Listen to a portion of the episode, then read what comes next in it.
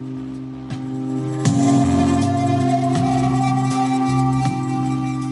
Bouwer, ek um, is die regisseur van uh, 'n 'n ontwerper van 'n ongenade. Kyk ons almal ken seker die skrywer James Coetzee, Nobelpryswenner of ons enigste, ek dink Nobelpryswenner van, van Suid-Afrika.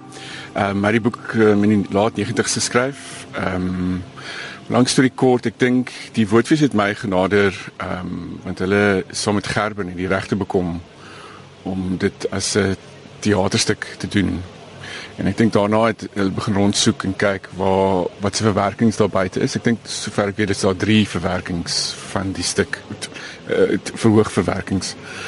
En um, ons het besluit op die die verwerking van ehm um, Luc Percival en uh, Josep Pau wat 'n Nederlandse produksie was van die stuk. Ons het besluit op dit en wat ons hier doen is naaste by min of meer daai verwerking ons moes redelik sny aan dit as gevolg van kostes ehm um, karakters moes ons sekere karakters moes ons laat gaan wat ehm um, kleiner rolle gespeel het ehm um, net om kostes te spaar.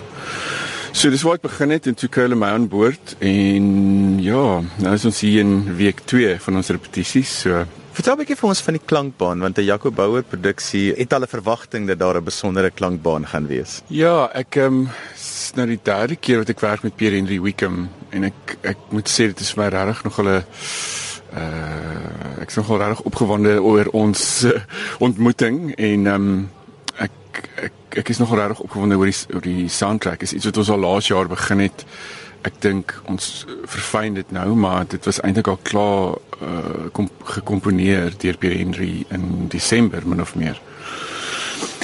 Ja, is moeilik, is 'n moeilike stuk. Jy werk iets soos, soos honde is is nogal 'n deurlopende tema. Uh, as die mense wat die boek gelees het en jy weet hoe gaan mens hoe vind mense 'n metafoor of 'n teatrale beelde en of klankbaan of iets om om daai ding voor te stel. Ek het wel besluit met die produksie om nie soveel as moontlik nie te illustreer nie. Ek dink wat iets gebeur is as jy die boek lees tot 'n mate gee James Coetzee die skrywer vir jou 'n uh, perspektief. Die hele storie word eintlik vanuit David Lurie se perspektief vertel. So dadelik het jy nie 'n objektiewe siening van die karakters nie. Dit is alles vanuit sy perspektief. En ek dink wat soms gevaarlik raak en iets soos die film wat 'n paar jaar terug was met John Malkovich wat ek dink dit maak dit baie moeilik as jy begin om goed in 'n eendimensionele manier uit te illustreer. So uh, ek het probeer om genoeg uh, merkers en beelde daar te laat sodat jy gehoor dan soos die leser van die boek ook sy eie beelde moet opmaak tot 'n mate. Maar dit is moeilik. Jy werk met verkrachting tonele, aanval tonele honde wat doodgeskiet word. en seker goed, so mens moet ander maniere kry. So ek dink daar veral het ek voel ek ek en Pierre net regtig uh, probeer om weg te breek van realiste nie. So daar's geen ware hond geluid in die stuk nie. Maar ek hoop as mens dit kry, kry mens regtig die gevoel van die teenwoordigheid van van die diere in die ruimte. So ehm um, Gerben Kamper speel David Lurie wat die hoofkarakter is. Tot 'n mate kom ek al meer agter dit is amper tipies so 'n one man show met met klomp ander karakters, kleiner karakters rondom dit. Want dit is sy storie. So hy speel die hoofkarakter, ehm um, David Lurie, ehm um, die jong student met wie hy 'n uh, verhouding aanknoop in die begin word gespeel uh, die karakter Melanie word gespeel deur Trudy van Rooi. Dan is daar Tini van Wyk loods, um, sy speel sy dogter Lucy wat in die Ooskaap bly.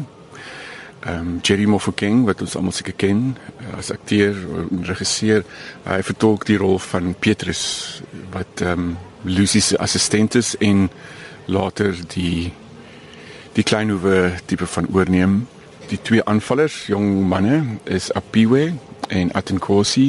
Bianca Flanders speel verskeie rolle eh, van die verhoor wat Lurie onder is. Sy speel een van daai karakters, Verodia, as ook die prostituut Suraya en klomp ander klein rolletjies. Ehm um, Nicole Holm is ook betrokke. Sy speel meer as een rol. Sy speel Bev, die die vrou in die Ooskaap vriendin van Lucy wat die honde uitsit en regmaak. Sy speel ook een van die verhoorlede. Charlton George speel ook verskeie rolle. Hy speel ook een van die voorlede en ook ehm um, Mr Isaacs wat die pa is van Melanie die student met wie David 'n affair het. Watter mense sal hierdie produksie geniet? Dit is 'n dis 'n swaar boek. Ja, dit is 'n baie swaar boek. Dit is 'n baie swaar storie. Ek selfs in tonele as ons dit net repeteer dan affekteer dit my nogal. Maar ek dink almal wat so of die, die boek ken, weet outomaties seker waarvoor hulle self inlaat. Ek dink is is nodig is al meer nodig dink ek dat ons seker gekonfronteer word in die land met seker tipe goed. Ehm um, ek is net bang dat mense vaskyk in sekere stereotypiese oppervlak uh interpretasies van die stuk van die swart gevaar en die wit paniek.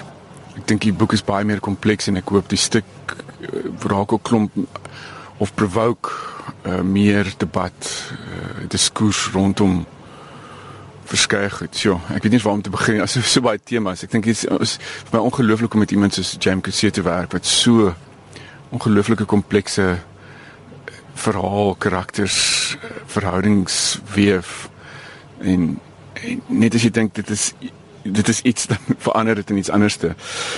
So wat is dit tipe mense ek dink veral wit mense moet die stuk kom kyk. Ek dink is nodig veral in die tyd.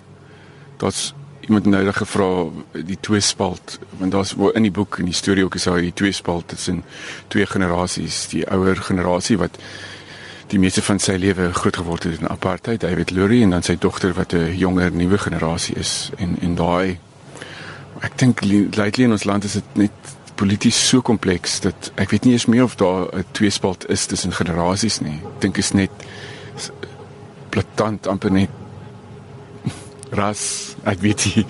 So ek dink is nodig en ek dink is goed dat dit op 'n plek platform is soos Woordfees.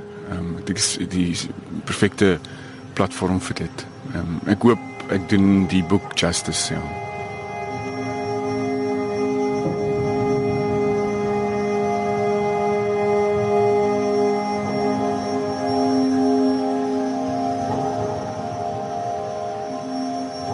Um, my naam is Tina van Wyk Loots en ek is betrokke by die produksie as aktrise. Ek speel die rol van Lucy. Uh Lucy is vir my 'n bietjie van 'n enigma. Um dit maak dit 'n bietjie moeilik omdat ons die hele storie ervaar vanuit die oogpunt van David Lurie. So 'n mens is nooit presies seker hoe um hoeveel van sy opinie ons mag glo nie en die karakters wat jy op die verhoog sien is dan swaalf 'n weergawe van die karakters deur sy oogpunt maar ons speel nietemin nog steeds regte mense. En Lucy het 'n verhouding met haar pa wat al klaar op die oog af al soos 'n moderne verhouding bietjie gekompliseerd is ten opsigte van vorige huwelike en so aan en hulle sien mekaar min. Hy is intellektueel en sy probeer haarself op 'n ander manier um uh, uh, betrek tot die wêreld in um 'n meer aardse sin. En dan ehm um, kom 'n mens agter soos vir die toneelstuk aangaan dat hulle eintlik nog nogal op dieselfde manier oor goeters dink, selfs al is hulle so verskriklik uit ehm um, is hulle opinies en hulle idees van die wêreld so verskriklik ver uit mekaar uit. En ehm um, ek sien in Lucy elke keer as ek net terugkom na die toneelstuk toe dan aan die een kant dink ek miskien is sy heroïs en dan 'n heroïs en aan die ander kant dink ek miskien is sy verskriklik dom. Ek kan nie besluit of sy net hardkoppig is en of sy 'n groter doel aan die einde van die dag sien nie. Maar ehm um, maar ja, sy sy maak my terselfdertyd ongelooflik kwaad en tog daag sy my verskriklik uit.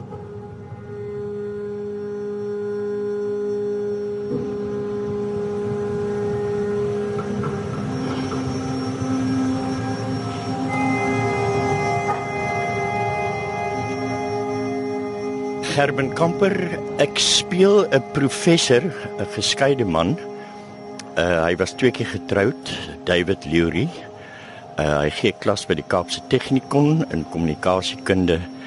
En dan word hy aangekla van ehm um, dat hy 'n jong student gemolesteer het en dat hy haar punte bietjie bekonkel het.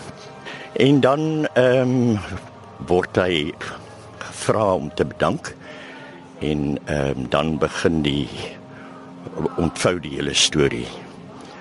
Nou jy's nou al 'n ou hand om saam met Jaco te werk. Vertel bietjie vir ons van die proses om saam met so 'n veelbekroonde regisseur te werk. Jo, ehm um, ek is eintlik nie 'n ou hand nie. Ek het ehm um, met Samsung masjiene het ek die eerste keer met Jaco gewerk en dit was 'n ongelooflike ervaring. Ehm um, nou Ja, dit is dit, dit is net so voorreg, jy weet, ehm um, ek het al met baie regisseurs gewerk en ek hou daarvan om met die jonger regisseurs te werk. Hulle het en veral met Jaco, hy is hy is net briljant in sy konseptualisering en so aan van die teks. En hy help my, ja, baie. Nou julle is nou midde in julle repetisies. Wat is daar op hierdie stadium wat moet gebeur wat jy voel as ek nou dit moet nou begin gebeur met hierdie rol? Woorde. dis woorde, woorde, woorde.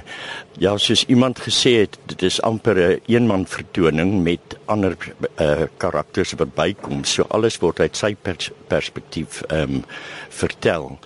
So of ons die waarheid oor weet ons nie want dit is alles uit sy perspektief en sy perspektief hoef nie noodwendig die perspektief te wees van die res van die geselskap nie. So ehm um, nee is baie interessant maar die woorde ja. Daar is altyd 'n groot sprong wanneer jy jou oog van die teks afbring en jy in die toneelstuk begin inboender waar jy nog 'n klein bietjie onseker is van jouself omdat jy nog met jou kop op die boek is, maar jy's met jou lyf in die in die spasie en om daardie sprong te maak van die boek af in die spasie in sodat jy net kan begin speel en nie meer die hele tyd hoef te dink oor wat jy sê nie, maar dat dit natuurlik kom. Dit is wat ek baie graag wil hê moet nou gebeur.